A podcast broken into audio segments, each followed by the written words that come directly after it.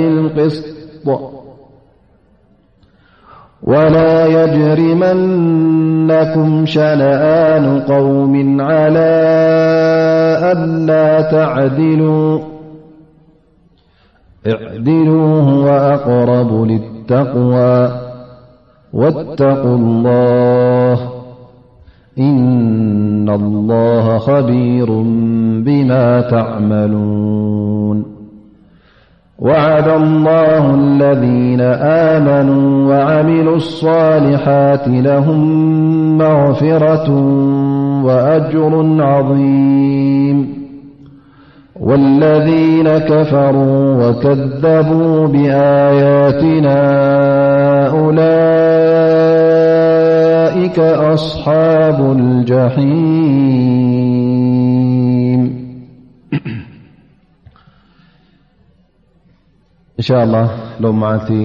እዘን ዝቀረእናየን ኣያታት ክንፍስር ኢና ኣላ ስብሓን ወተላ እውን ክድግፈና ድዓ ንገብር ኣብ ዝሓለፈ ሰሙን ከምቲ ዝበልናዮ ኣብ ኣየት ውዱእ እዛ ናይ ውዱእ ጠቅስ ኣያ ኣላ ስብሓን ወተላ ብዛዕባ ናይ እግሪ ምሕፃብ ጠቒስና ነርና ማለት እዩ ወኣርጁለኩም ኢለ ልካዕበይኒ ትብል ኣብኣ በፅሕና ነርና ማለት እዩ ላ ስብሓን ወተላ ኣብዚ ኣያ እዚኣ እግርኻ ክትሓፅብ ከም ዘለካ ኣብርሁልና ከምኡ ውን ብሓዲ ነቢና ለ ላ ለ ወሰለም ውን ከምተረጋገፀ እግሪ ምሕፃብ ግዴታ ከም ምኳኑ ኣብ ውዱእ ጠቒስና ነርና ማለት እዩ እግርኻ ውን ክትሕፅብ ከለኻ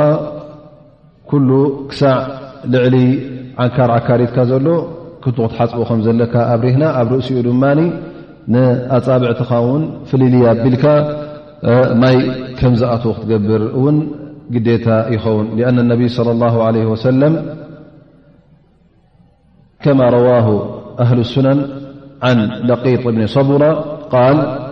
قلت يا رسول الله أخبرني عن الوضوء فقال أسبغ الوضوء وخلل بين الأصابع وبالغ في الاستنشاق إلا أن تكون صائمة ኣስቢغ ውضእ ማለት ኩሉ እቲ ቦታታት ውضእ ክትገብረሉ ትሕፀቦ ዘለካ ክበፅሖ ከም ዘለዎ ነቢ ስ ሰለ ይሕብሩ ማለት እዩ ኣብ ርእሲኡ ድማ ወኸሊል ኣሳብዕ ማለት ኣፃብዕትኻ ናይ እግርኻ ኮይኑ ናይ ኢድካ ፈላሊኻ ማይ ክኣተዎ ከም ዘለዎ ግዴታ ይሕብረና ማለት እዩ እዚ ሓዲስ እዚ ወባልቕ ፍ እስትንሻቅ ማለት ብፍንጫኻ ክትስሕቦ ከለኻ ተማይ እውን ፅቡቕ ጌርካ ክስሕቦ ኣለካ ምክንያቱ ፍንጫኻ ፅቡቕ ክፀሪ ግን እንተ ፀመኛ ኮይንካ ኣብ ስያም ኣለኻ እተ ኮይንካ እዚ ጉዳይ እዚ ተጠንቀቕ ኢሎም ነቢና ሙሓመድ ለ ላ ኢላ ኣንተኩነ ሳኢመን ፈላ ትባል ፈልእስትንሻቅ ማለት ኣበርቲዕካ ብፍንጫኻ ንተማይ ኣይትስሓቦ እንታይ ዳቀስ ጌርካ ምእንቲ ኣብ ጉረረኻ ንኸይሓልፍ ማለት እዩ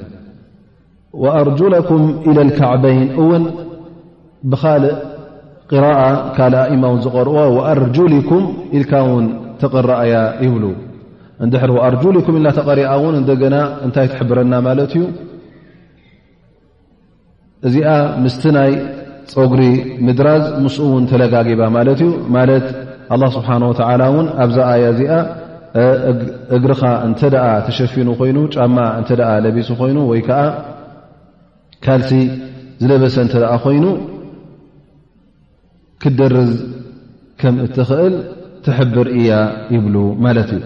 ነቢ صለ ላه ለ ወሰለም እውን ነዚ ጉዳይ እዚ እውን ኣብ ሓደ ቦታ ዘይኮነ ኣብ ብዙሕ ቦታታት ይገብርዎ ነይሮም ብዙሓት ካብ ኣስሓብ ነቢ ለ ላه ለ ወሰለም እውን ነዚ ተግባር እዚ ኣመሓላሊፎሞ እዮም روى الامام أحمد عن جرير بن عبدالله البجل قال أنا أسلمت بعد نزول المائدة وأنا رأيت رسول الله - صلى الله عليه وسلم - يمسح بعد ما أسلمت وفي الصحيحين عن همام قال بال جرير ثم توضأ ومسح على خفيه فقيل تفعل هذا فقال نعم رأيت رسول الله - صلى الله عليه وسلم بال ثم توضأ ومسح على خفيه እዚ ሓዲስ እዚ ጀሪር ብን ዓብዱላህ ኣልቡጀሊ ዘመሓላለፎ ማለት እዩ ሓደ ካብቶም ኣስሓብ ነቢ ለ ላ ለ ወሰለም እዩ እሱ ድማ ኣነ ደንጉየ ኣብ እስልምና ኣትየ ይብል ማለት ሱረት ልማኢዳ ምስ ወረደት እዚ ትንተና ናይ ውዱእ ዝወረዳ ኣያ ማለት እዩ እሳ ምስ ወረደት ኣነ ኣብ እስልምና ኣትየ ኣብ እስልምና ምስ ኣተኹ እውን ብድሕሪዛ ምስላመይ ኣብ ድሕሪ እስልምና ምእታወይ እውን ነቢ ስለ ላ ለ ወሰለም ውዱእ ክገብሩ ከለዉ ተዓዚበ ርእዮም ነይረ እሞ ክሪኦም ከለኹ እንታይ ይገብሩ ነሩ ነቢ ስ ሰለም ውዱእ ገይሮም ጫማ እንተ ተኸዲኖም ኣለዉ ኮይኖም ሽፉን ጫማ ማለት እዩ ደሪዞሞ ይሰግዱ ነይሮም ይብል ኣብ ካልእ ሓዲት እውን ሓደ ግዜ ንገዛእ ርእሱ ባዕሉ ጀሪር ገለ ሰባት ድርዝ ከብል ጫምኡ ሪኦሞ ማለት እዩ ንሰላት ንክኣቱ እሞ ኣይሓትዎ ማለት እዩ ያ ጀሪር እንታይ ርኣኻ ዝገበርካ እዚኣ ካበይ ኣምፂኻያ ኢኻ እስኻ ካብቶም ኣስሓብ ነቢ ስ ሰለም እንዲኻ እዚ ጉዳይ ዚ ከመይ ጌርካ ጌርካዮ ኢሎም ይሓትዎ ማለት ቃል ንዓም ኣነ ብ ነቢ ስለ ላ ለ ወሰለም ርኦዮም ብዓይነይ ከይዶም ደገ ወፂኦም ዝተመለሱ ውዱእ ገይሮም ውዱእ ክገብሩ ከለዉ ድማ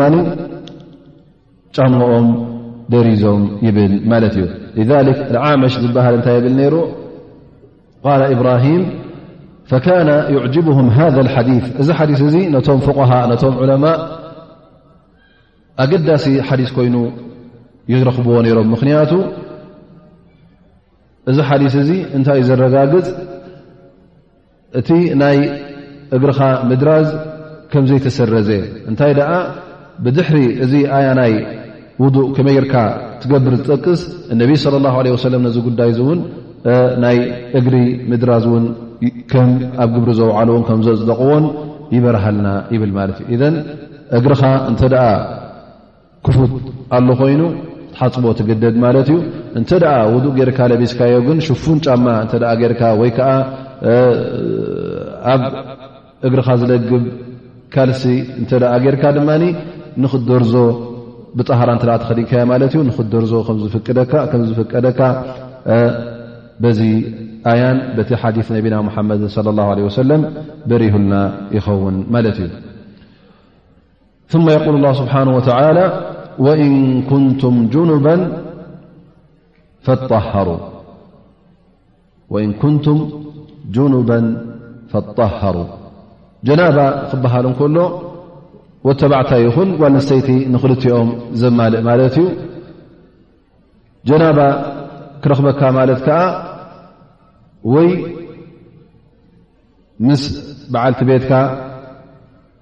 ፆታዊ ርክብ ትፍፅም ከለኻ ማለት እዩ ወላ እውን ዘርኢ ወተባዕታይ ኣይውፃእካ እዚ እንተ ተራኺብካ ኣብኡ ከለኻ ውን ኣብ ጀናባ ከም ዝኣተኻ ትቁፀር ማለት እዩ ወይ እውን ብጋህዲ ኮይኑ ወይ ውን ድቃስ ብሕልሚ እውን እንተ ካብ በልዒትካ ዘርኢ ናይ ወተባዕታይ ወፂኡካ ድማ እዚ እውን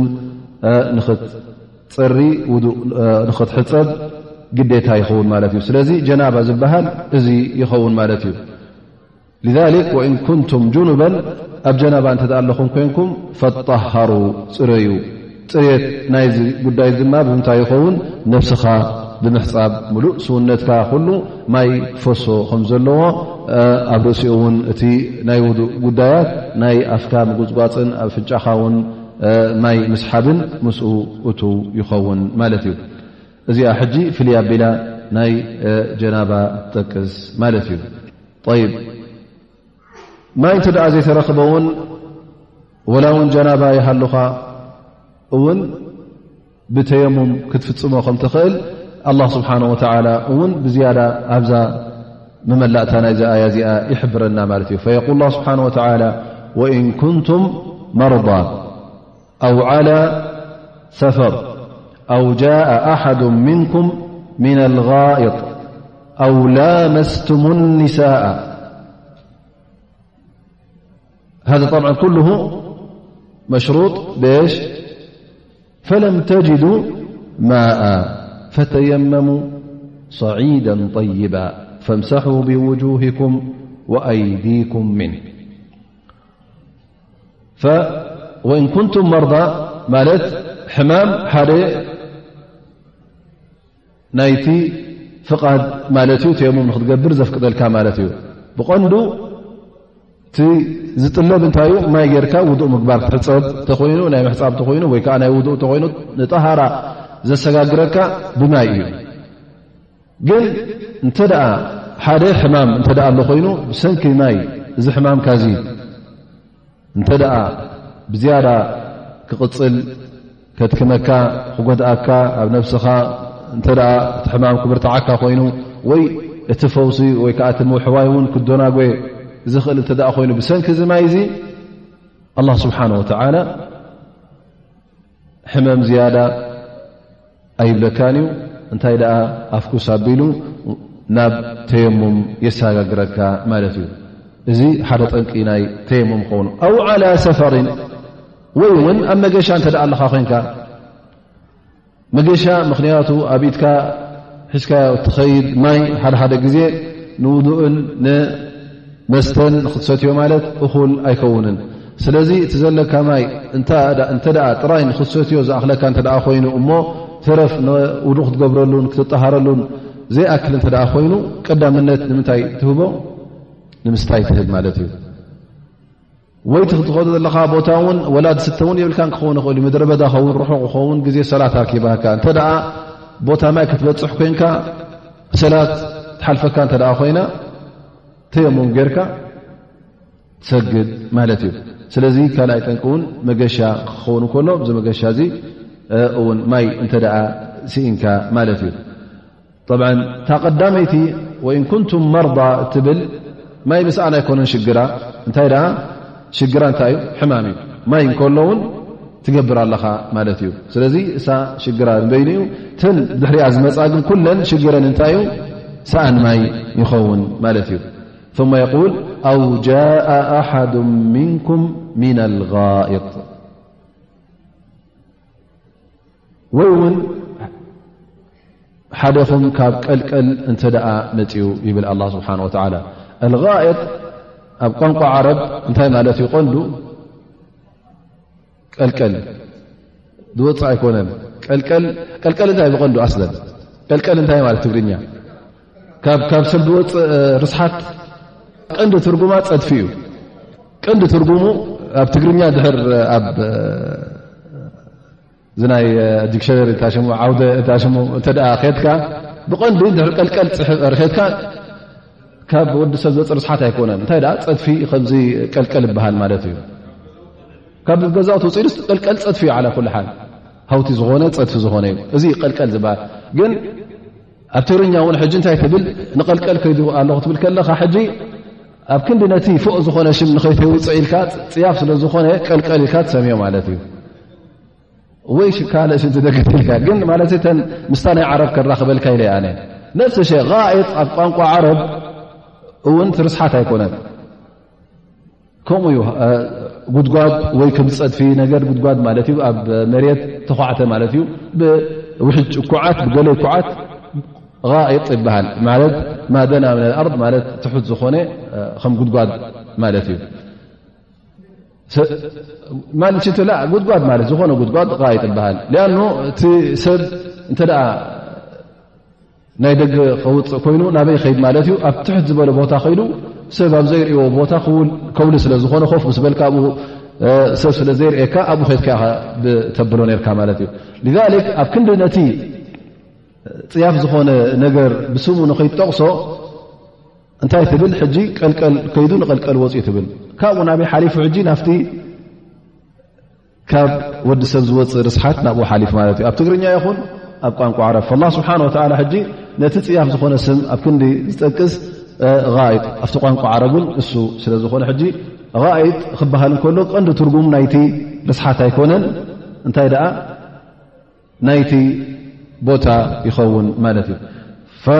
ኣላ ስብሓን ወላ ጃء ኣሓዱ ምንኩም ምና ልغይጥ ወይ ከዓ ካብቲ ትሑት ቦታ ካብቲ ቀልቀል መፅኡ ክብል ከሎ እንታይ ገይሩ ማለት እዩ ወይ ሽንቲማይ ሸይኑ ክኸውን ይኽእል እዩ ወይ ውን እቲ ናይ ደገ እውን ሰዲዱ ክኸውን ይኽእል እዩ ኣብዚ እዋን እዚ ኣላ ስብሓን ወተላ ውዱእ ንክገብር ይእዝዞ ውድኡ ፈሪሱ ማለት እዩ እንተ ማይ ዘይረኸበ ፈለም ተጅዱ ማን ማይ እተ ዘይተረኽበ እዚ ሰብ እዚ እውን ውዱእ ይገብር ማለት እዩ ኣው ላመስቱም ኒሳ ወይ እውን ደቂ ኣንስትዮ እንተ ደኣ ተንኪፍኩም ይብል እዚኣ ብ እቶም ዕለማ ውን ንገዛእ ርእሶም እታ ምትንካፍ እንታይ ማለት እያ ገለ ዕለማ ኢሎም በቲ ቀንዲ ቋንቋ ወሲዶማ ማለት እዩ ተንኪፍካ ወላ ውን ሕዝ ተቢልካያ ውድኡካ ፈሪሳ የብሉ ማለት እዩ ገሊኦም ጥራይ ምትንካፍ ዝኾነ ምትንካፍ ኣይኮነትን እንታይ ደኣ ብሻህዋ ብስምዒት እንተ ተተናኺፍካ ኢኻ ይብሉ ሳልሳይ ርእቶ ድማ የብላ ምትንካፍ ማለት ኣብ ቋንቋ ናይ ቁርን ፆታዊ ርክብ ጌርካ ማለት እዩ ስጋዊ ርክብ ሙሉእ ስጋዊ ርክብ ፈፂምካ ማለት እዩ ይብሉ ኣን ላ ስብሓን ወተላ ኣብዛ ኣያ ጥራይ ኣይኮነን ኣብ ካልእ ኣያ እውን ማለም ተመስውና ኢሉ ጠቐሶ ናይ ምትንካፍ ብኢድካ ምትንኻፍ ኣይኮነን እንታይ ደኣ ናይ ጅማዕ ናይ ፆታዊ ርክብ ከም ምዃኑ ስለ ትረዳእና እዚኣ እውን ብከምኡ ክንርድኣ ኣለና ይብሉ ማለት እዩ ከምኡ ውን እንተ ጀናባ ኣለካ ማለት እዩ ማይ እውን እንተ ዘይረክብካ እንታይ ትገብር ፈተየመሙ صዒደ طይባ ፈተየመሙ ኣይ እቕስዱ ማለት ብምንታይ ተጠቐሙ ብሓመድ ተጠቐሙ ማለት እዩ ሰዒድ ወ ቱራብ ሓመድ ማለት እዩ ጠይባ ማለት ድማ ንፁህ ክኸውን ኣለዎ ማለት እዩ ነጅስ ሓመድ ክኸውን የብሉ ናብ ርእሲኡ ሽንቲ ዝነበሮ ወይ ከዓ ነጃሳ ደም ዝፈሰሶ ክኸውን የብሉ እንታይ ኣ ፅሩይ ሓመድ ክኸውን ኣለዎ ይብሉ ሰዒዳ ጠይባ ከመይ ክገርካ ኢኻ እሞ እታ ተየሙም ትገብር ላ ስብሓን ወላ ኣብዚኣ እውን ይብ ፈምሰሑ ብውጁህኩም ወኣይዲኩም ምን ገፅኩምን ኢትኩምን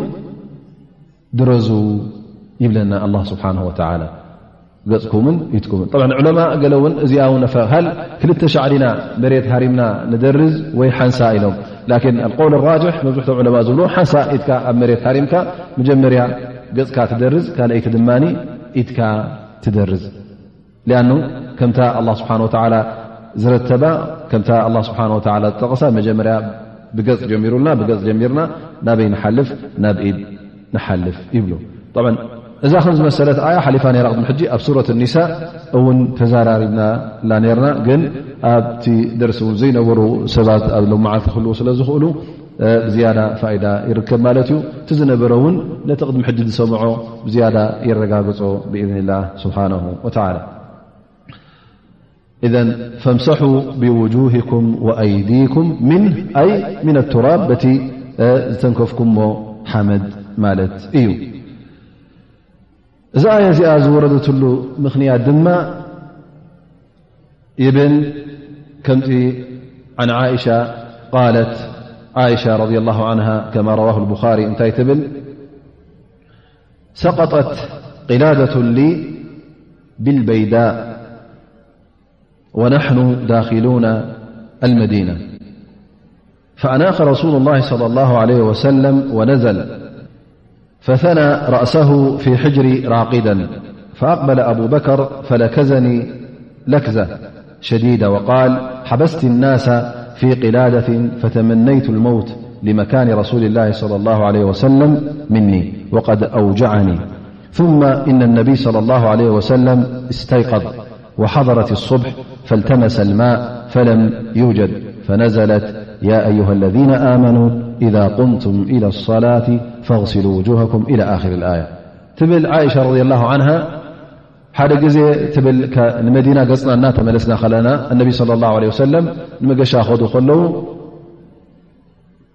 እዚ መገሻ እዚ ናይ ኩናት ይኹን ናይ ካልእ ይኹን እነቢ ስለ ላ ለ ሰለም ካብተን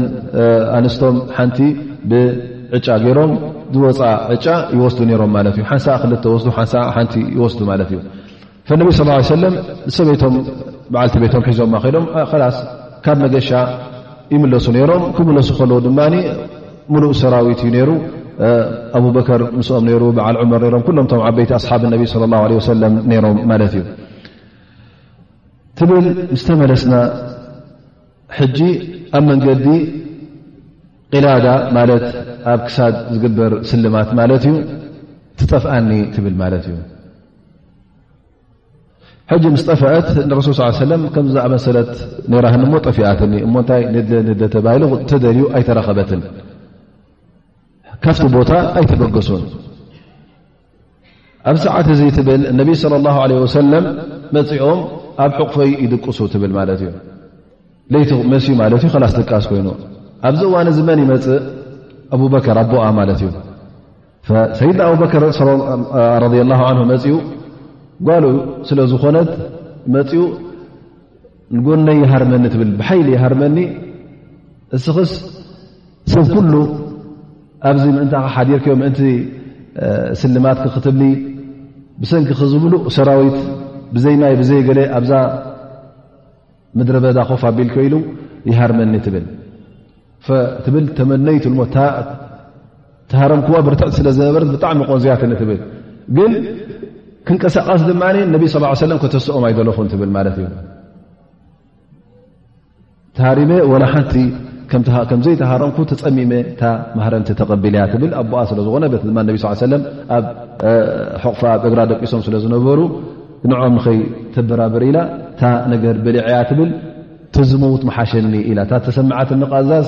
ካብ ሞት ትኸፍእ ትብል ማለት እዩ ፈነቢ ስለ ላ ለ ሰለም ድሕሪ ቅሩብ ስብሒ ምስ ቀረበ ይትስኡ ሰላት ፈጅሪ ድማ ይኣክል ማይ ኣሎዶ የለን ኢሎም ይሓቱ ነቢ ስ ሰለ ማይ የብልና ንብልዎ ማለት እዩ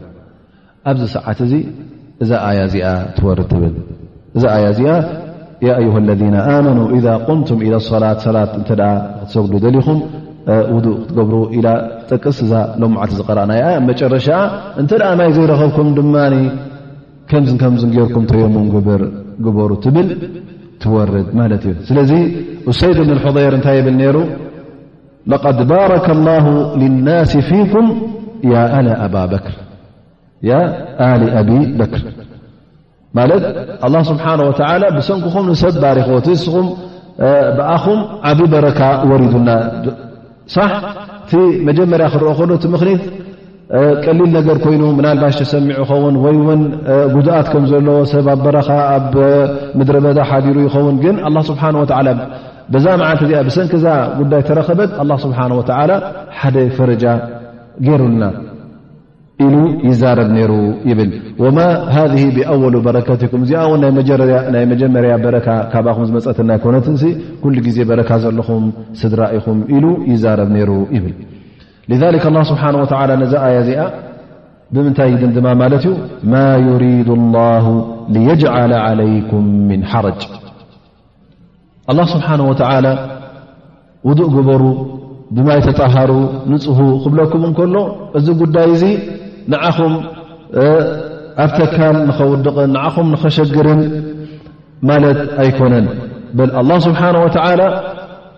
ኩሉ ግዜ ንዓኹም ቀሊልን ሳህልን ፎኪስን ዝኾኑ እዩ ዝደልየልኩም ذሊክ ኣላ ስብሓን ወተላ ማይ እንተ ደኣ ስኢንኩም ኣብ ግዜ መገሻ ወይ ከዓ ብካልእ ምኽኒት ማይ እተ ተሳኢሉ ኣብ ክንዲ ውዱ ተየሙም ንክትገብሩ ሕማም እተ እውን ኣሸጊርኩም ኣብ ክንዲ ውዱእ ምግባር ተየሙም ንክትገብሩ ኣላ ስብሓን ወተላ እቲ ጉዳይ ወሲዑልኩምን ኣስፊሑልኩምን እዩ ስለዚ ኣላ ስብሓን ወተላ እዚ ሸርዒ እዚ ክሽርዓልኩም እንከሎስ ሸርዒ ናይ ደይቂ ኣይኮነን ሸርዒ ናይ ፅበት ኣይኮነን እንታይ ደኣ እዚ ሸርዒ እዚ ኩሉ ግዜ ፈኲስ ዝኾነ ሸርዒ ቀሊል ዝኾነ ወዲ ሰብ ዝኽእሎ ዘየሸግሮ እንተ ደኣ እውን ሓድሓደ ነገራት ሽግር ከጓንፎ ኮይኑስ ኣላ ስብሓን ወተላ መተካእታ ገይሩልኩም እዩ ነዚ ጉዳይ እዚ ዘፋኹስ ገይሩኩም እዩ ማ ዩሪድ ላሁ ልየጅዓል ዓለይኩም ምን ሓረጅ ኣላ ስብሓን ወተላ ፈፂሙ ፅበትን ሽግርን ከውርደልኩም ኣይፈቱን እዩ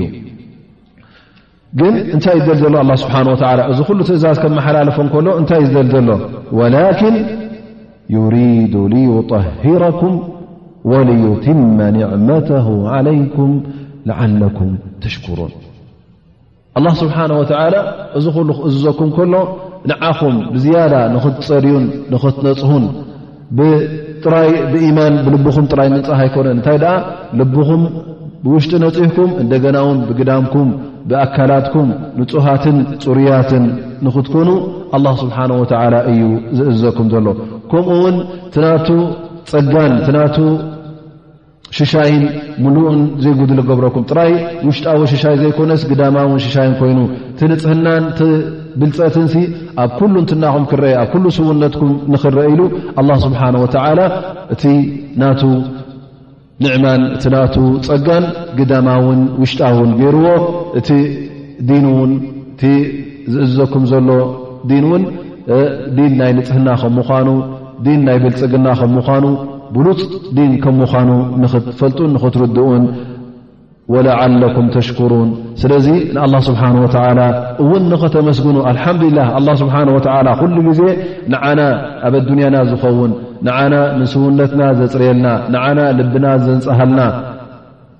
ዲን ኣዚዙልና ዲን ኣውሪዱልና ኢልኩም ከምኡ ውን ኣብ ልዕሊኡ እውን ኣላ ስብሓን ወላ ኩሉ ግዜ ንዓና ከቢድ ነገር ዝኾነ ዘይንኽእሎ ነገር ኣይሃበናን ኢልኩም ንኣላ ስብሓን ወላ ለይትን መዓልትን ንክተመስግኑ ዝወረደ ትእዛዝ እዩ ኢሉ ኣላ ስብሓን ወላ እዛ ኣያ እዚኣ ሕብረና እቲ ውዱእ ኮይኑ እቲ ተየሞም ኮይኑስ ኩሉ ምእንቱ ኢልኩም ንክተመስግኑ እዩ ኣላ ስብሓን ወላ ኣዚዙኩም ኢሉ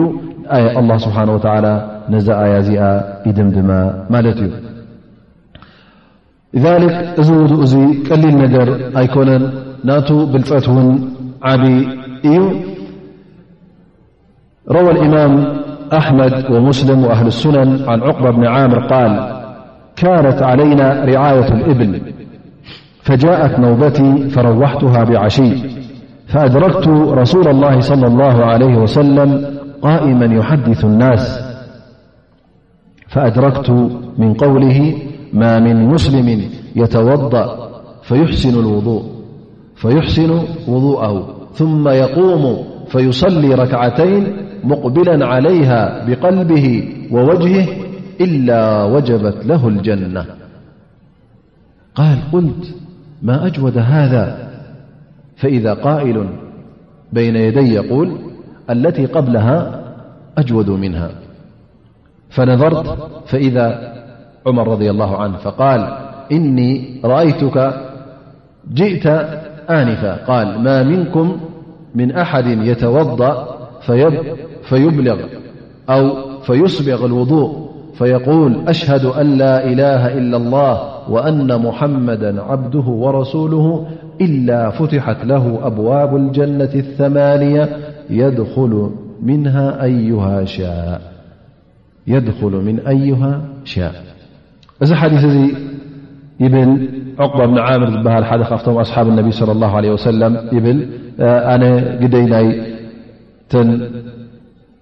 ኣግማል ንዐን ከውዕል ኣምስየ ይብል ምሸት ቦትዐን ኣብፅሐ ናበይ ይኸይድ ብል ናብ መስጊድ ገፀይ ይኸይድ ይብል መስጊድ ምስ ኣተኹ እነቢይ ስለ ላሁ ለ ወሰለም እዛረቡ ነይሮም ክዛረቡ ከለዉ ኣርኪበሎም ይብል እታ ዘርከብክዋ እንታይ ነይራ ይብል ነቢይ ስለ ላሁ ለ ወሰለም ከምዚ ክብሉ ፀኒሖምኒ ዝኾነ ይኹን ኣስላማይ ውዱእ ገይሩ ነዚ ውድኡ ድማ ከምቲ ኣላ ስብሓን ወተዓላ ዝኣዘዞ ፅቡቕ ውዱእ ገይሩ እንተ ደኣ ውዱእ ገይሩ ብድሕሪ እዚ ውዱእ እዙ ተሲኡ ክልተ ረክዓ እንተ ደኣ ሰጊዱ ሙቕቢለን ዓለይሃ ብቀልቢ ልቡን ብገፁን ነዛ ሰላት እዚኣ ማለት ኩሉ እንትንኡ ናብዛ ሰላት እዚኣ ገይሩ ናብዘን ክልተ ረክዓ ገይሩ ዝሰገደ ኢላ ወጀበት ለሁ ልጀና ኣላ ስብሓን ወተዓላ ነዚ ሰብ እዚ ጀና ከም ዝኣቱ ፍፁም ነገር ገይሩሉ እዩ ይብል ማለት እታ ጀናስ ግዴታ ኮይና እያ ላስ ለጊባቶ እያ ኢሎም እነቢይ ስለ ላ ለ ሰለም እዚኣ ቃል እዚኣ ምስ ሰማዕኩ ብዙሕ ተሓጒሰ ይብል ቁልት ማ ኣጅወደ ሃ ክንደይ ድኣ በልጥ ክንደይ ፅብቕ ድኣሉ እዙ ኢለ ተዛሪበ ይብል እዛ እዚኣ እዛ ዘረባ እዚኣ ምስ ተዛረብኩ ይብል ሓደ ብድሕረይ ይብለኒ እታ ቅድሚኣ ዝነበረት ካብኣ ትበልፅ ይብለኒ ግልፂ ኢለ ይርኢ ግልፂ ኢለ ምስ ጠመትኩ ድማ መን ይረክብ ዑመር ብንከጣብ ይብለኒ ዑመር ብንከጣብ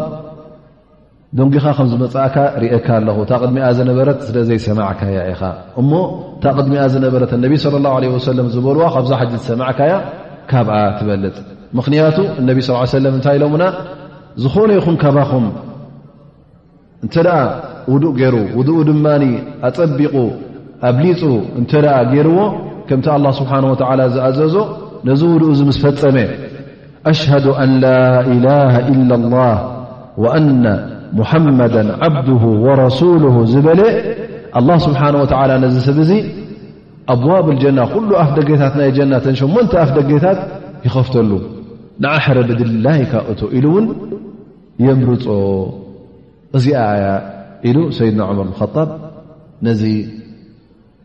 ደንጉዩ ዝመፀ ሰሓቢ ንዕኡ ይነብሮ ማለት እዩ ስለዚ እታ ካልኣይቲ ቀላልን ማለት እዛ ካብ ሰይድና ዑመር ዝሰምዐ ካብታ ናይ ቀዳመይቲ ዝበለፀት ኣብ ርእሲኡ ድማ ዝፈኮሰት ማለት እዩ ምክንያቱ ውዱእ ጌርካ እዚኣ እታ ካተብ ኣሽዱ ኣ ላላ ላ ላ ወኣነ ሙሓመዳ ዓብድሁ ወረሱሉ እቲኣ ግን ሰላት ኣለዋ ዝያዳ ኣለዋ ማለት እዩ እሳ ድማ ጀና ጥራይ ከም ትኣቱ እያ ጠቒሳ። እዚኣ ግን ምርጫ ከም ዘለካ ካብ ሸሞንተ ኣፍ ደጌታት ናይ ጀና ብድላይካ እቶ ትበሃል ማለት እዩ። እዚ ዝያዳ ናይ ኣላ ስብሓን ወተዓላ ከረም ማለት ናይ ኣላ ስብሓን ወተዓላ ልግስን ናይ ኣላ ስብሓን ወተዓላ ሽሻይን ክሳዕ ክንደይ ከም እትወሃብ እትሕብር ማለት እዩ። ብልፀት ናይ ውዱእ እውን ኣብ እዚ ናይ ጀና ናይ ዮም ቅያማ ክኸውን ከሎ ኣብ ኣዱንያ እውን እቲ ኩሉ ዘንብታትካ እቲ ኩሉ ጌጋታት ትገብሮ እውን ውዱእ ትገብር ከለኻ ምስ ዝኾነ ውዱእ እውን እዚ ዘንበኻ ይሕፀረልካ ከም ምኳኑ እነቢ ለ ላ ለ ሰለም ን ኣብ ሁረይረተ የል ነቢ ስ ሰለም ቃል ኢዛ ተወضእ ዓብዱ ልሙስሊም أو المؤمن فغسل وجهه خرج من وجهه كل خطيئة نظر إليها بعينه مع الماء أو مع آخر قطرة من الماء فإذا غسل يده خرج من يده كل خطيةأو بطشتها يداه مع الماء أو معآطفإذا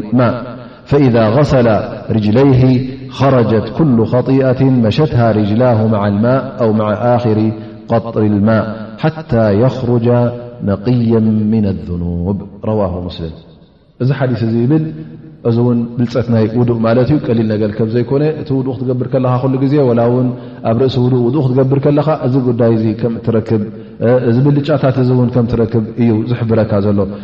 ነቢ ስለ ላ ለ ወሰለም እንተ ደኣ ሓደ ባርያ ባርያ ረቢ ማለት እዩ ኣስላማይ እንተ ደኣ ውእ ክገብር ኮይኑ ውእ ክገብር ኮይኑ ገፁ ክሕፀብ እንከሎ ኣላ ስብሓን ወተዓላ ምስዚ ዝሕፀቦ ዘሎ ምስዚ ማይ ጥብጥብ ዝብል ዘሎ ኣላ ስብሓን ወተዓላ ዘንቡ ብዓይኑ ዝረኣያ ዘንቢ ኣላ ስብሓን ወተዓላ የፅርየሉ ይብል ወይ ምስታ ኣኸር ምስታ ናይ መጨረሻ ማይ ካብታ ገፁ ትነጥብ ናይ ተን ዘንቡ ኩለን ኣላ ስብሓን ወተዓላ ይሓፅበሉ ከምኡ ውን ኢዱ ክሕፀብ እንከሎ ኣላ ስብሓን ወተላ እቲ ብኢዱ ዝፈፀሞ ጌጋታት እንተ ደኣ ኣሎ ኮይኑ ምስቲ ዝሓፅቡ ዘሎ ማይ ኣላ ስብሓን ወተላ ምስቲ ማይ ነቲ ዘንብ እውን ሓፂቡ ጥረብረብ ይብሎ ማለት እዩ ከምኡ እውን ብእግሩ ዝፈፀሞ ጌጋ እንተ ኣሎ ኮይኑ እግሩ ክሓፅብ እንከሎ እዚ ሰብ እዙ ኣላ ስብሓን ወተላ እተን ብእግሩ ዝፈፀመን ጌጋታት ዘንብታት እተደኣ ኣለዋ ኮይነን ምስአን እውን ሓፂቡ ኣፅርዩ ጠረብረብ ኣቢሉ ምስቲ ማይ ከም ዝኸይድ ይገብረሉ ማለት እዩ ነቢ ስ ሰለም እዛ ጠሃራ እዚኣ እዛ ፅሬት እዚኣ ኣገዳሲት ስለ ዝኾነት የቁል ኣጣሁሩ ሸጥሩ ልኢማን ኣطሁር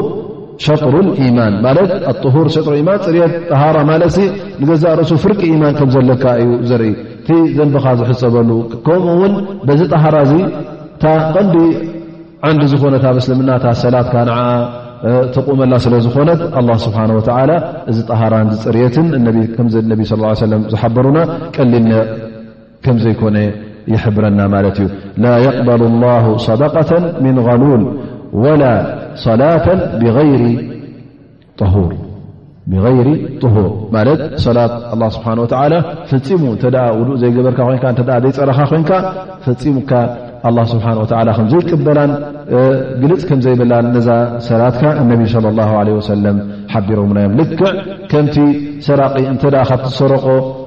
ካብ ዓውዲ ኩናት ኮይኑ ካብ ዝኾነ ይኹን ኮይኑ እተ ሰደቃ ከውፅእ ኮይኑ እዚ ሰደቃ ዝገብሮ ዘሎ ፍፁም ቅቡል ኣይኮነን ይብሉ ነቢና ሓመድ ለ ላ ሰለም ስለዚ ጠሃራ ዘይብሉ ሰላት እውን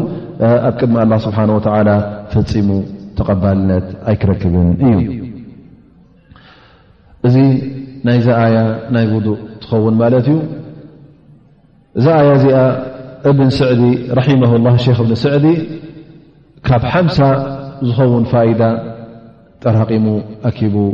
ኣምፅላ እዩ ሓምሳ ሓደና ዝኸውን ወይ ሓምሳ ፋይዳ ከም ዝሓዘለት ሓቢሩ ተን ኩለን ፋይዳ ዝብለን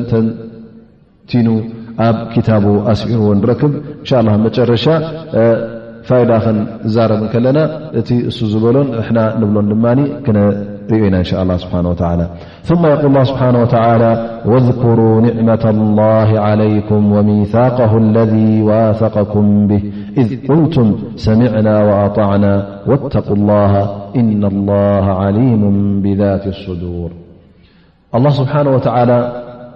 ንባሮቱ የዘኻኽሮም ኣሎ ማለት እዩ ኣንቱም ባሮተይ ኣንቱም ብኣይ ዝኣመንኩም እቲ ኩሉ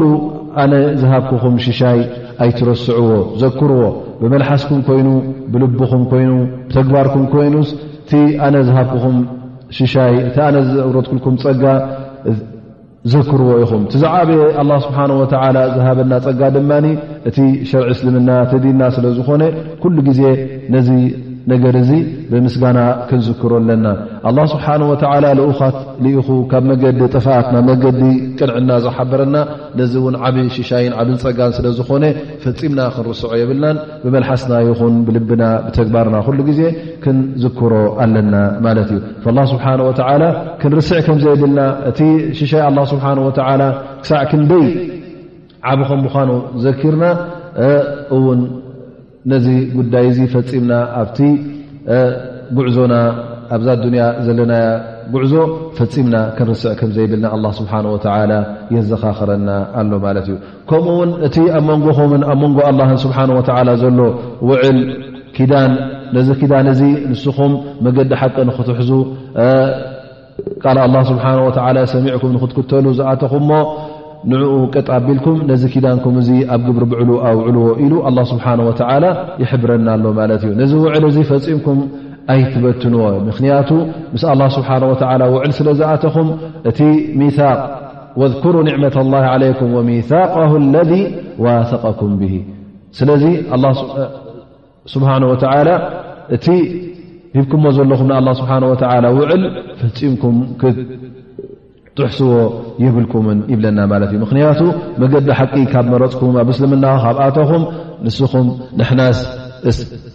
ብእስልምና ኣሚና ብነቢና ሓመድ صለ ه ለ ሰለ ኣሚና ክትብሉ ከለኹም ሰሚዕና ተቐቢልና ክትብሉ ከለኹም እሞ በቲ ዝበልኩሞ ውን ንኣላ ስብሓን ወላ ነቢ ሓመድ صለ ላه ለ ወሰለም ጣዓ ክትገብርሉ ክትክተልዎ እዩ ዘለኩም ስለዚ ኩሉ ግዜ ኣብ ግዜ ስንፍና ይኹን ኣብ ግዜ ድኽመት ይኹን ንዓኻ ይጉድእካ ኣይጉድእካ እቲ ትእዛዝ ኣላ ስብሓን ወላ ኩሉ ግዜ ቅቡል ክኸውን ኣለዎ ብዝከኣለካ መጠን ድማ ነዚ ትእዛዝ እዚ ኣብ ግብሪ ከተውዕሎ ከም ዘለካ ኣላ ስብሓን ወተላ ይሕብረካ ኣሎ ማለት እዩ ኣብ ርእሲኡ ነዚ ጉዳይ እዚ ብምንታይ የረጋግፀልና ኣላ ስብሓን ወተላ ወተቁ ላ ካብ ኣላ ስብሓን ወተላ ተጠንቀቑ ኣብ መንጎኹምን ኣብ መንጎ ስቃይ ኣላ ስብሓን ወተላ መከላኸሊ ግበሩ እዚ መከላኸሊ እዚ እንታይ እዩ ሰናይ ተግባር ንኣላ ስብሓን ወተላ ምምላኽ እቲ ኣላ ስብሓን ወተላ ዝበለካ ኩሉ ኣብ ግብሪ ከተውዕሎ ከለካ ኣብ መንጎኻን ኣብ መንጎቲ ኣላ ስብሓን ወተላ ኣዳልዎ ዘሎ ስቃይ ነቶም ክሓቱ ኣዳልዎ ዘሎ ስቃይ ንዓኻ እስኻ መከላኸሊ ትገብረሉ ኣለኻ ማለት እዩ ወተቁ ላሃ እዚ ሕጂ ነቲ ጉዳይ ይረጋግፅ ኣሎ ማለት እዩ ስለዚ ኣብ ዝኾነ ሰዓታት ኣብ ዝኾነ እዋናት ካብቲ ተቕዋ ላ ስብሓን ወላ ካብ ፍርሂ ኣላ ስብሓን ወተላ ፈልከት ክትብሉ የብልኩምን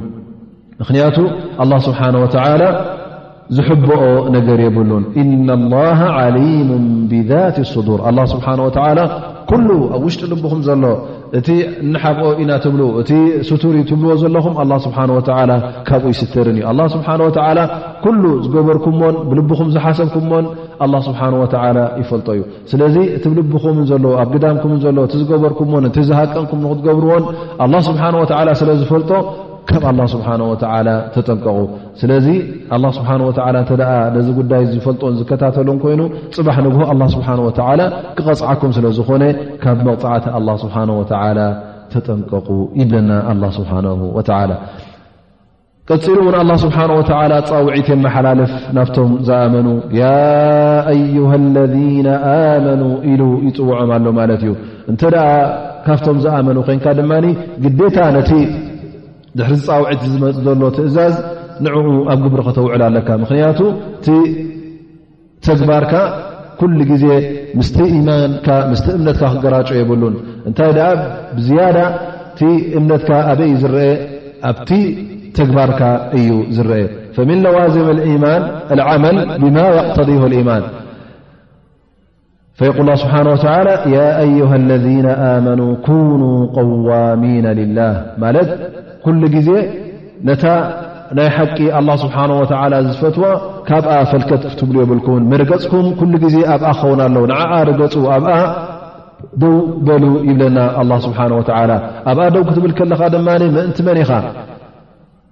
ምእንቲ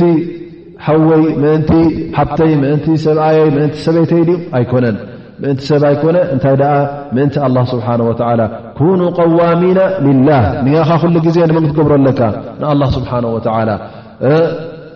ሰናይ ነገር ክትገብር ከለኻ ኣብ ቅድሚ ዓይንኻ መን ዩ ክረኣየካ ዘለዎ ኣላ ስብሓን ወተዓላ ዩ ክረኣየካ ዘለዎ ደኣ እምበር ሰብ ከይብለኒ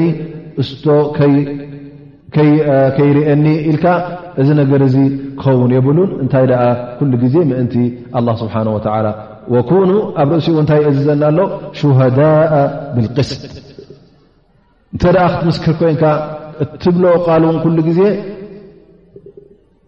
ቅኑዕ ዝኾነ ምስክርነት ሓቂ ዝኾነ ምስክርነት ፍትሒ ዝሓዘለ ምስክርነት ክኸውን ኣለዎ ስለዚ ዝኾነ ይኹን ነገር ትምስክሮ እተ ኮንካ ኣላ ስብሓን ወላ ዘይፈትዎን ጌጋ ዝኾነ ምስክርነት እተ ኮይኑ ፈፂምካ ኣብዚ ጉዳይ እዙ ክትቀርብ ይብልካ እኑዕማር እብኒ በሽር ይብል ከማ ጃ ተበተ ፊ ሰሒሐይን أنه قال نحلني أبي نحلا فقالت أمي عمرة بنت رواحة لا أرضى حتى تشهد عليه رسول الله صلى الله عليه وسلم فجاء إلى النبي صلى ال عليه وسلم ليشهده على صدقته فاأ قال النبي صلى الله عليه وسلم أكل ولدك نحلت مثله قال لا فقال اتقوا الله واعدلوا في أولادكم ثم قال إني لا أشهد على جور قال فرجع أبي فرد تلك الصدقة النعمان بن بشيربل أبوي ሃድያ ሂቡኒ ሓደ ዓይነት ሃድያ ማለት እዩ ወላ ኣብቲ ግዜኦም ዝነበረ ሃድያ ክበኦም ከለዉ እንሻ ላ ገረብ ናይ ተምሪ ሰለስተ ኣርባዕተ ኮና ዓሰርተ ኮና እንተ ሂቦሞ ንዓኻ ኢሉ ብንእሽቱ ከሎ ይህቦ ማለት እዩ ኣዲኡ ትብል ኣነስ ግዴታ ነቢ ለ ላ ለ ወሰለም ነዚ ወደይ ዚ እዚ ነገር ዚ ከምዝገበርካሉስ ከተመስክሮም ኣለካ ኢላ ትዛረብ ማለት እዩ ንሰብኣያ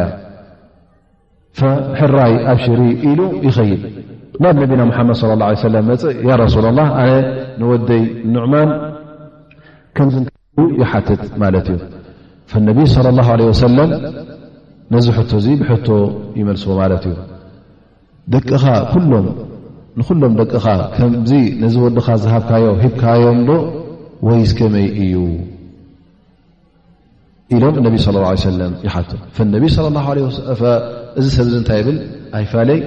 ጥራይ ንዑ የ ሂበ በረ ናቶም ካልኦት ኣይሃብክዎውን ይብል ፈነቢ ለ ላ ለ ሰለም እንታይ ይብል እተቁ ላሃ ዋዕድሉ ፊ ኣውላድኩም ረቢ ፍርሁ ደቅኹም ኩሎም ብሓደ ዓይኒ ረኣይዎም ፍትሒ ዘለዎ ዓይኒ ንኹሎም ክትቡ ከለኹም ንኹሎም ሃቡ ደኣ እምበር ነትን ፈሊኻን ክትህብ የብልካን ምክንያቱ እዚ ጉዳይ እዚ እስኻ ቀሊል ነገር ጌርካ ትወስ ዘለኻ ፅባሕ ንግሆ ኣብ ባእስን ኣብ ምንቋትን ከብፅሕ ስለ ዝኽእል ፅልኢ ኣብ ኣዱንያ ከለዉ ውን እቶም ደቅኻ ፍርቆም ውን ንዓኻ ክፀልኡካ እዮም ነቲ ሓዎም ክፀልዎ እዮም ስለዚ እዚ እስልምና እዚ ናይ ሕውነትን ናይ ፍቕርን ዩ ደኣ እምበር ናይ ባእስን ናይ ምንቋትን ስለ ዘይኮነ እነቢ ስለ ላ ለ ወሰለም እዚ ጉዳይ እዚ ጌጋ ከም ምኳኑ ካብ ተቕዋ ላ ስብሓ ወላ ካብ ፍርሂ ኣላ ስብሓ ወላ ካብ ሸርዒ እስልምና ውፁእ ከም ምኳኑ ይሕብሮ ማለት እዩ ማ እንታይ ይብሎ ወቃል እኒ ላ ኣሽሃዱ ዓላ ጁር ኣነ ዓመፅ ነገር ክርኢ ከለኹ ነዚ ዓመፅ እዚ ፈፂመ ኣይምስክረሉን እየ ይብል ስለዚ ኣብ ዝኾነ ጉዳይ ወላ ው ንስኻ እተ ትፀዊዕካ ንዓ መስክር እተ ተባሂልካ እዚ ምስክርነዚ ንሰብ ዝጎድእ ዓመፅ ዘለዎ ምስክርነት እተ ኮይኑ እተ ትፈልጥ ኣለካ ኮይንካ ንኣብነት ከምዚ ነቢ ስ ሰለ እተ ኣነ ንወደይ ፍላን ከምዚ ከምዝሃብክዎ ንዓ መስክር ኢሉ ሓደ ገና ከይሞት ከሎ ብዝያዳ ስለ ዝፈትዎ ንዓ መስክር እተ ኢሉካ ኣብዚ ከምዝኣመሰለ ጉዳይ ኢትካ ከተእቱ ከምዘይብልካ ሓበሬታ እዩ ማለት እዩ ስለዚ ዓመፅ ዘለዎ ጉዳይ ካብ ፍትሒ ዝረሓቐ ጉዳይ እንተ ክትምስክር ተረኪብካ ካብ መንገዲ ትወፅእ ኣለኻ ማለት እዩ እነቢ ስለ ላ ለ ሰለም ንገዛእ ርእሶም እዚ ጉዳይ እዚ ጌጋ ከም ምኳኑ ሓቢሮሞ እዮም ማ የቁል ላ ስብሓ ወተ ወላ የጅሪመነኩም ሸነኣኑ ቆውምን ዓላ ኣላ ተዕድሉ እዕድሉ ወ ኣቅረቡ ተቅዋ ኩሉ ግዜ ትፍትሒ እውን ኣድላይ ከም ምኳኑ ኣላ ስብሓን ወተላ ይሕብረና ማለት እዩ ዝኾነ ይኹን ፅልኢ ይሃሉኻ ዝኾነ ይኹን ሽግር ይሃሉኻ ምስ ሓደ ሰብ እታ ሓቂ ወላ እውን ንጥቕሙ ትኹን እዚ ፅራኢኻ ትጥቀሞ እቲ ሓቂ ኩሉ ግዜ ክትሓብኣ የብልካ ክትምስክር ከለኻ እቲ ሓቂ ክትምስክር ኣለካ ማለት እዩ ሓዉ ይኹን ዓርኪ ይኹን ፈታዊ ይኹን ፀላኢ ይኹን ብዘየገድስ ኩሉ ግዜ ነታ ሓቂ ካብኣ ፍልከት ክትብል የብልካ እሞ ኣነስ እዚ ፀላየ ዩ ኣነ እዚ መዓስ ፈትዎ ኮይነ ኣንፃር ዓርኪ ኣንፃር ሓወይ ስለ ተባእሰ ኣነ ክሕግዞ ኢልካ ካብታ ሓቂ ክትወፅእ ከለኻ እንታይ ትገብር ኣለኻ ማለት እዩ ዓቢ ዓመፅ ትፍፅም ኣለኻ ማለት እዩ ስለዚ ወላ ይጅሪመነኩም ሸነኣኑ ቆውሚ ዓላ ኣላ ተዕድሉ ካብ ፍትሒ ንኽትወፅእሲ እቲ ፅልኢ ናይ ገለገለ ሰባት ክደፋፍኣካ የብሉን እንታይ ደኣ ኩሉ ግዜ ታሓቂ ኣብ ቅድሚ ዓይንኻ ክትገብራ ኣለካ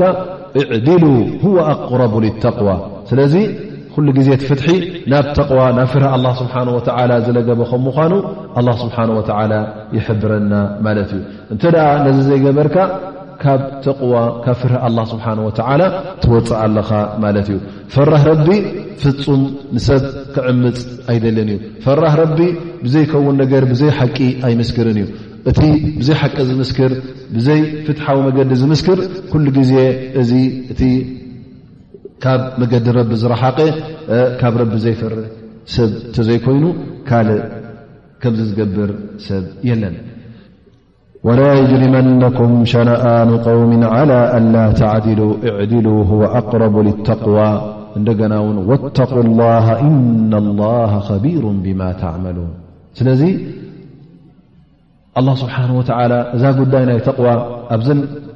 ዝቐረኣናየን ኣያታት ደጊሙ ደጋጊሙ ይሕብረና ኣሎ ማለት እዩ ኩሉ ግዜ ክንጥንቀቕ ከም ዘለና ካብ ኣላ ስብሓን ወተላ እውን ፈልከት ኢልና ክንሃድም ስለ ዘይንኽእል ኣላ ስብሓን ወተላ ይሕብረናን የጠንቅቐናን ኣሎ ማለት እዩ ምኽንያቱ ኣብዚ ኣያ እዚኣ ወተቁ ላ እነ ላሃ ከቢሩ ብማ ተዕመሉን ኩሉ እትገብርዎ ዘለኹም ኣላ ስብሓን ወተላ ካብኡ ዝሕባእ ኣይኮነን ከቢር ማለት ብጥብቂ ዝፈልጦ ማለት እዩ ፈፂሙ ዘይሕብኦ ትንኣሽ እታ ጉዳይ ትዕበ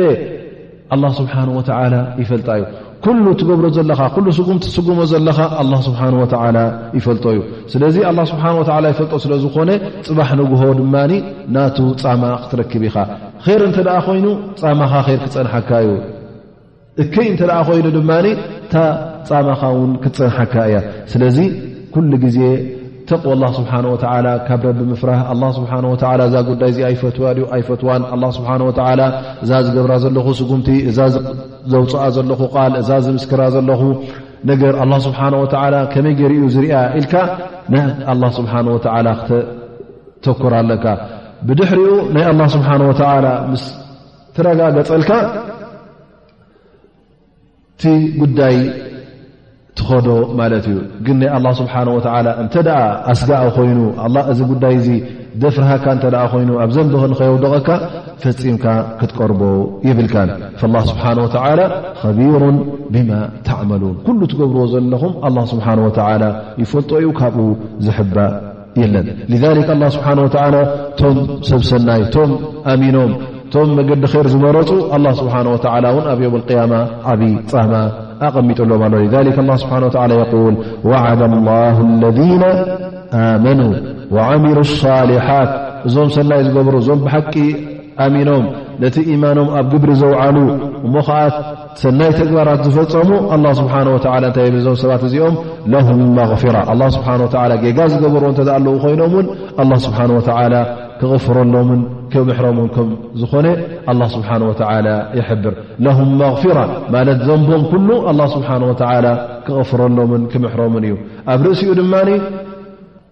ወኣጅሮ ዓም ዑለማ ነዚኣ ክፍስርዋ ከለዉ እታይ እቲ ኣጅር ዓም መቕፊራ ተረኪቡ ኣጅሮ ዓም ዋ ጀና እዞም ሰባት እዚኦም ጀና እዮም ክኣት እዛ ጀና እዚኣ ድማ ከም ዝበልናዮ በቲ ራሕመት ላ ስብሓ ወ ብርህራህ ኣላ ስብሓ ወ እያ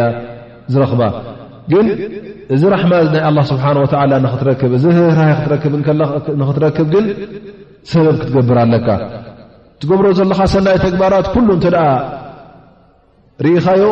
ጀና ክእቱ ኣስለን ገዛእ ርእሲ እኹል ኣይኮነን ግን መን እዩ ናብ ጀና ከም ትኣቱ ገይሩካ ረሕመት ላ ስብሓን ወላ ምክንያቱ እቲ ሽሻይ ኣላ ስብሓን ወላ ዝገበረልካን ምስቲ ንስኻ ትገብሮ ዘለኻ ሰናይ ተግባራት እንተ ከተመዛዝኖ ኮንካ እቲ ፀጋን ንዕማ ናይ ኣላ ስብሓን ወላ ብዱንያ ዝረከብካዮ ንገዛእ ርእሱ ንዕኡ ዘመስግን ኣይኮነን ትገብሮ ዘለኻ ሰናይ ተግባራት ንዕኡ ክዓፅወልካ ኣይክእልን እዩ ላኪን ኣላ ስብሓን ወተላ ብራሕመት በቲ ራሕምኡ እቲ ትገብሮ ሰናይ ተግባር ደሪቡ ደራሪቡ ንጀና ዘእቱ ምኽኒት ገይርዎ ማለት እዩ ስለዚ ተግባራት ናይ ወዲ ሰብ ሓ ነቢ صለ ላ ለ ወሰለም ንገዛእ ርእሶም ኣነ እውን ንገዛእ ርእሰይ ጀና ክኣቶ እተ ኮይነ ብራሕመት ላ ኣ ኣ እበር ብተግባረይ ኣይኮንኩን ኢሎም ይዛረቡ ም ኢላ ኣን የተመድየና ላ ብራሕመት ነቢ ስ ንገዛእ ርእሶም ነብይ ከለዉ ተቓለስዎ ንእሶም ዝገብርዎ ዝነበሩ ዒባዳ ናይ ስያም ኮይኑ ናይ ቃልሲ ናይ ጅሃድ ኮይኑ ናይ ለይቲ ጥሲኦም ዝሰግድዎ ነበሩ ኮይኑ ኩሉ ነገራት ዝገብርዎ ዝነበሩ ምስቲ ንሕና ንገብሮ ዘለና ክንመዛዝኖ ከልና እተ ርእና ሰማይን ምድርን ይኸውን ኣብ ርእሲ እዚ ግን እነቢ ስለ ላ ለ ሰለም ንገዛእ ርእሶም ይብሉ ኣነ ዝገብሮ ዘለኹ ሓንቲ ክገብረለይ ኣይክእልን እዩ ኢላ ኣን የተመደኒ ኣላ ብራሕመቲ ኣላ ስብሓን ወላ ብራሕሙ እንተ ዘይዓብለለኒ ፈፂሙ ንዓይ እኹል ኣይኮነን ወይ ከዓ ጥቕመኒ ኣይኮነን ንጀና ውን ዘብፅሕ ኣይኮነን ይብሉ ማለት እዩ ስለዚ ነቲ ራሕመት ላ ስብሓን ወላ ግን ሰበብ ናብኡ ዘብፅሓካ እንታይ ይኸውን እቲ ሰናይ ተግባር ስለ ዝኾነ ነዚ ዝተናይ ተግባር እዚ ኩሉ ግዜ ክተዘውትር ይግብእካ ማለት እዩ ሊኣን ላ ስብሓ ወላ ዓሚሉ ሳሊሓት እዩ ሳሊሓት ሰናይ ተግባራት ዝገብሩ እዚ ከም ዝረኽቡ ስለ ዝሓበረና እዚ እቲ ሰበብ ማለት እዩ ብኣንጻሩ ድማ ወለذነ ከፈሩ ወከዘቡ ብኣያትና ኡላይከ ኣስሓብ ጃሒም ብኣንጻሩ ድማ እቶም ዝኸሓዱ ነቢና ሙሓመድ ስ ሰለም ዝኸሓደ ንክታብ ቁርን ዝኸሓደ ሰላት ዝበሃል የለን ኢሉ ዝኸሓደ ሓደ ካብቲ ኣብ ክታብ ቁርን ተጠቕሰ ይኹን ኣብ ሱና ነቢ ለ ላ ለ ሰለም ብቕኑዕ መገዲ ዝበፅሓና እዚ የለን ኢሉ ዝኸሓደ ሰብ ከምኡ ውን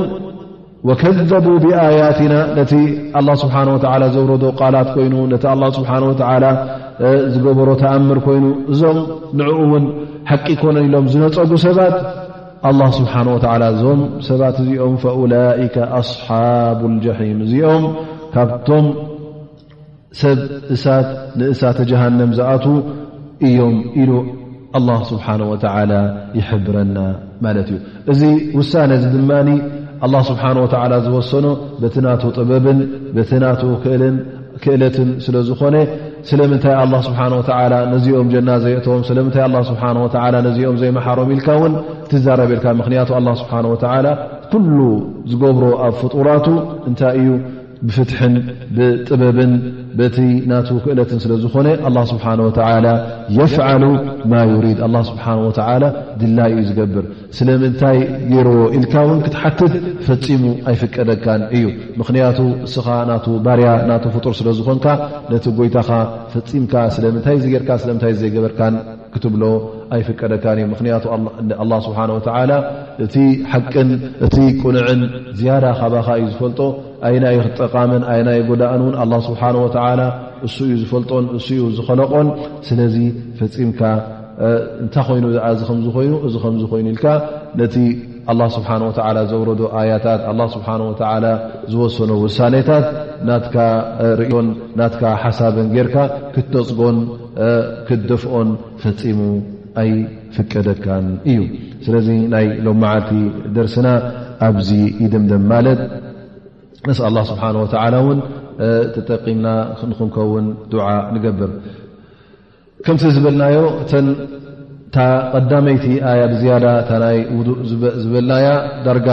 ሓምሳን ሓደን ዝኸውን ካብ ሓምሳ ንላዕሊ ዝኸውን ፋይዳታት ሸክ እብኒ ስዕዲ ኣውፅእላ ኢልና ነርና ስለዚ ካብዚ ፋይዳታት ገለገለ ንስኹም ትፈልጥዎ እተ ኣሎ ኮይኑ ትነግሩና ድማ እሱ ክ ስዕዲ ዝጠቀሶ ድማ ገለገለ ኣድላይ ድላይ ዝበልናዮ እውን እንሻ ላ ክንጠቕሶ ኢና ስለዚ ብኣኹም ንጀምር እቲ ናይ ሎም መዓልቲ ዝወሰድናዮ ደርሲ ኮይኑ ምስቲ ኣብ ዝሓለፈ ሰሙን ዝወሰድናዮ ናይ ውዱእ ዝወሰድናዮ ደርሲ እንታይ እንታይ ከም ዘስተፈድና ወይከዓ ክተጠቀምና እንሻ ላ ናብኡ ንኣቱ ማለት እዩ እወ እግርኻ ምሕፃብ ግዴታ ከም ምኳኑ ርኩን ከም ምኳኑ ክትሓፅብ ከለካ ድማ ኩላታ እግርኻ ክተማልእ ኣለካ ማለት እዩ ንእሽተይ ነጥቢ ኮይኑ ወይከዓ ማይ ዘየርከባ ነገር ክተርፍ የብላን ምክንያቱ ራፊዳ ገዛርሶም እግርኻ ምሕፃብ ዘይኣምንሉ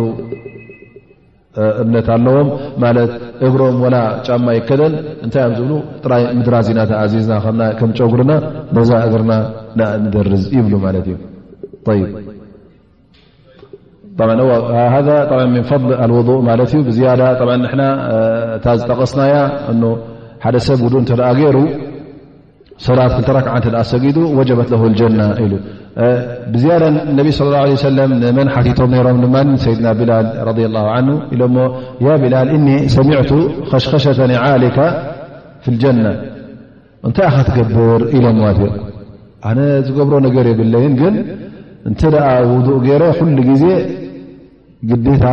ድሕሪኣ ክልተ ረክዓ ከይሰገድኩ ኮፍ ኣይብልን እየ ሱቅ ኣይብልን እየ ይብል ነይሩ ማለት እዩ ነቢ ስ ሰለም እሰያ እምበኣር ጀና ኣትያትካ ኢሎም ተዛሪቡ ማለት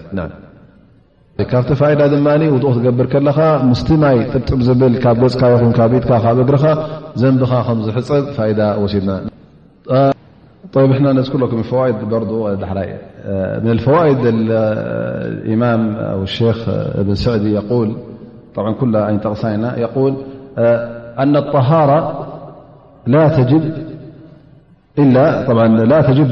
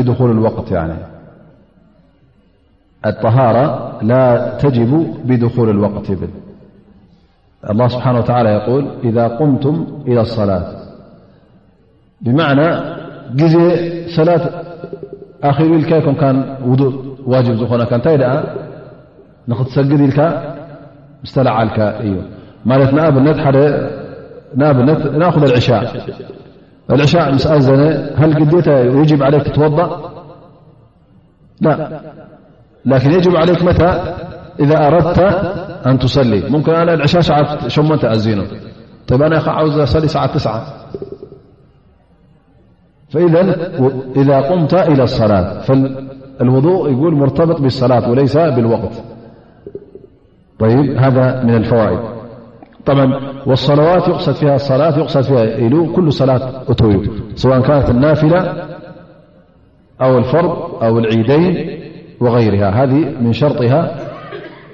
الوضوء طيب كمنتذل الواجب في الرأس هو المسح فلو صب الإنسان الماء ولم يمسح هل يكفي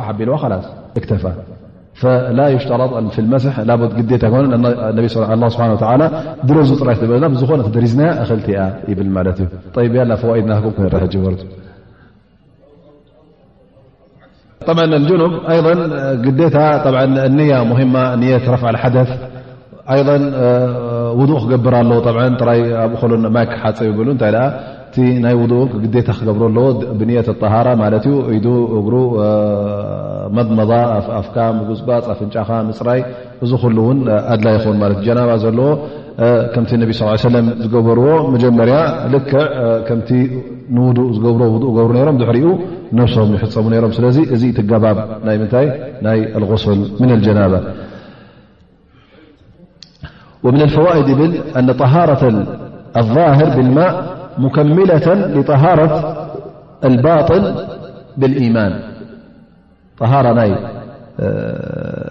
ግዳም ብውዱእ ትገብሮን ብምሕፃብ ትገብሮን ነቲ ናይ ልባዊ ውሽጣዊ ንፅህና ናይ ኢማን ንዕኡ ዝምልእ ጉዳይ እዩ ይብል ማለት እዩ ኣላ ስብሓን ወተላ እንተ ኣብ መገሻ ኣለካ ኮንካ ማይ ዘይርከ ቦታ ኣላ ስብሓን ወተላ ቀዳምነት እስኻ ኣብ ሞት ንኸይትበፅሕ ማይ እንተ ዘየሎ ኮይኑ እተ እዚ ማይ ዚ ጥራይ ንዓኻን ብልዕኻን ንመስተኻን ካብኡ ዘይሓልፍ እተ ኮይኑ ኣብ ተየሙም ንክትሓልፍ ኣፍቂዱልካ እዚ ድማ ካብቲ ናቱ ራሕማን ካብቲ ኣላ ስብሓን ወላ ዝፋኾሰልናን ዘቃለለልናን ዲና እዩ ይብል ማለት እዩ ኩሉ ግዜ ወዲ ሰብ እዚ ናይ ውዱእ ነገር ኹን ናይ ካልእ ጉዳያት ኮይኑ ናብቲ ኣላ ስብሓን ወላ ዝሸረዖ ነቢና ሓመድ ስ ለ ሰለም ዝሓበሩና እዚ ስለምንታይ ኢልካ ሕክማ ክንሓትት እውን ኣድላይ ይኮነን ተፈሊጥናዮ ፅቡቕ እተዘየሎ ድማ ስቕኢልና ክንቀበሉ ኣለና ክንኣምነሉ ኣለና ይብል ማለት እዩ ሊክ ኣስሓብ ነቢ ስ ሰለም እንታይ ብ ነሮም መስሓል ክፈ ንግበር ከሉ ሕጂ ከመይ ጌርና ኢና ንገብር ብላዕሊ ኻ ደርዝ ማለት እዩ ኣይኮነን ግን ኣላይቲ ርስሓት ዝረግፅ ዘሎ ታሕቲ ፈይብሉ እዚ ዲንሲ ከምድላይ ናብ ርእቶና ነር ዝኸውን ሲ ዓሊብ ናብጣል የብል ማለት እዩ ጫማናስ ብታሕቲ ምድራዝ ቀዳምነት ኣለውና ብታሕቲ ምደረዝና ነርና ግን እዚ ዲን እዚ ብርእቶን ብኣእምሮን ስለ ዘይኮነ በቲ ኣላ ስብሓን ወላ ዝሸርዓና ስለ ንኸይድ ዝባን እግርና ወይ ከዓ ዝባን ጫማና ኢና ንደርዝ ይብል ማለት እዩ መስሕ ኣልክፈን ይኮን ወረድ ዓ ነቢ ስ ሰለ ብሸክሊ መተዋትር ማለት እቲ ሓዲስ ናይ መስሕ ኣልክፈን ዘጠራጥር ኣይኮነን ፍፁም ጥርጠራ ዘይኣትዎ ማለት እዩ ስለዚ ነቢ ስ ሰለም ማይ ተሲእንኩም መስሕ ግበሩ ኣይበለን እንታይ ደኣ እዚ ጉዳይ እዚ ወላ ማይ እንከሎ ነቢ ስ ሰለም ይደርዝ ነይሩ ማለት እዩ ቁሪ ግዴታ ቁሪ ክህሉ ኣለዎ ኣይንብል ኢና ግዴታ እውን ጫማኻ ንምፍታሕ ዝሸግረካ ክኸውን ኣለዎ ኣይበሃልን እዩ እንታይ ደ እንተ እቲ ሽሩጥ ናይ መስሕ ናይ ምድራዝ ኣሎ ኮይኑ ሙሉእ እተ ኣማሊእካዮ ኮንካ ኣብ ከተማ ኮይኑ ኣብ ደገ ኣብ መገሻ ኮይኑ ኣብ ምድረ በዳ ኣብ ዝኾነ ይኹም ቦታ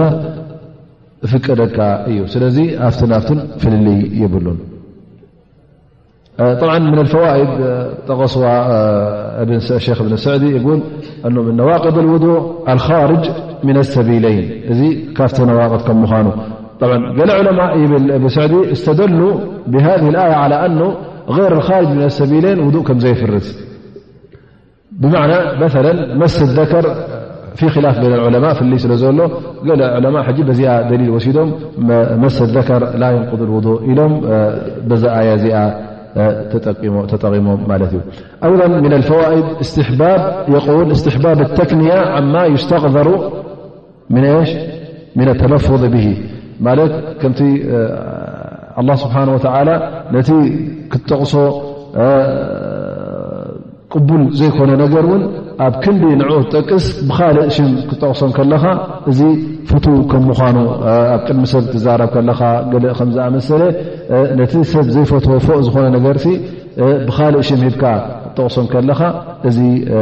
ፅቡቕ ይኸውን ይብል ማለት እዩ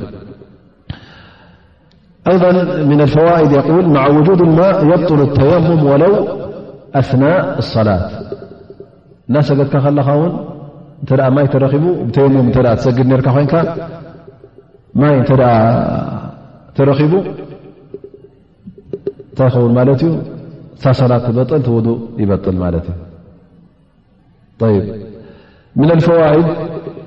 እ ግዴታ እቲ ማይ ውዱእ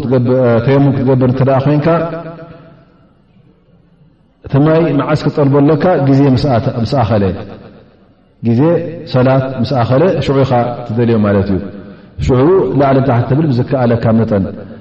መገሻ ክትገይሽ ኣለካ እውን ኣይትበሃልን ኢኻ ንኣብነት መገዲ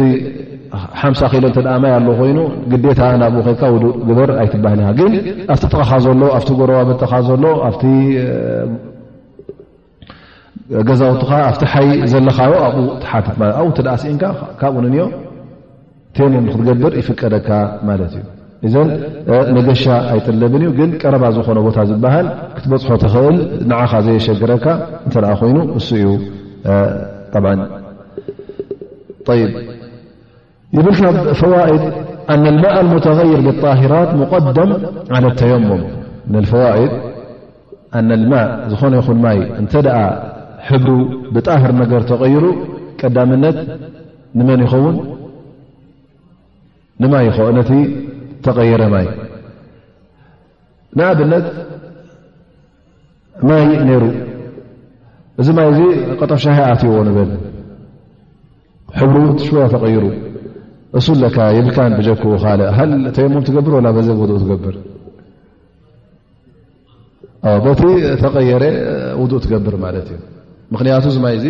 ፅሩይ ስለ ዝኾነ ንፁህ ማለት እዩ ከምኡ ውን ካብቲ ፈዋኢድ ሎማዓት ጠቐስና እኖ ሓደ ኣስغር የንደርጅ ታተ ሓደ ኣክበር ኩሉ ግዜ እንተ ሓደ ኣስغር ኣሎ ኮይኑ ማለት ካብ ደገ መፅእኻ ካብ ግዳም መፅእካ እሞ ኣብ ርእሲኡ ጀናባ እተ ነሩካ ኮይኑ በቲ ናይ ጀናባ ንኩሉ እተ ተሓፂብካ ናይ ቀልቀል በይኑ ናይ ሽንቲማይ በይኑ ናይ ጀናባ በይኑ ውዱእ ኣየድልየካን እዩ ማለት እዩ ስለዚ ሓደ ውዱእ ንኩሉ ይፍፅም እዩ ኣቁሉ ው ስ ስብሓ ኣንፋዕና ብማ ሰሚዕና ኣዩዓሊመና ማ ንፋዑና ለ ላ ነብና ሓመድ ላ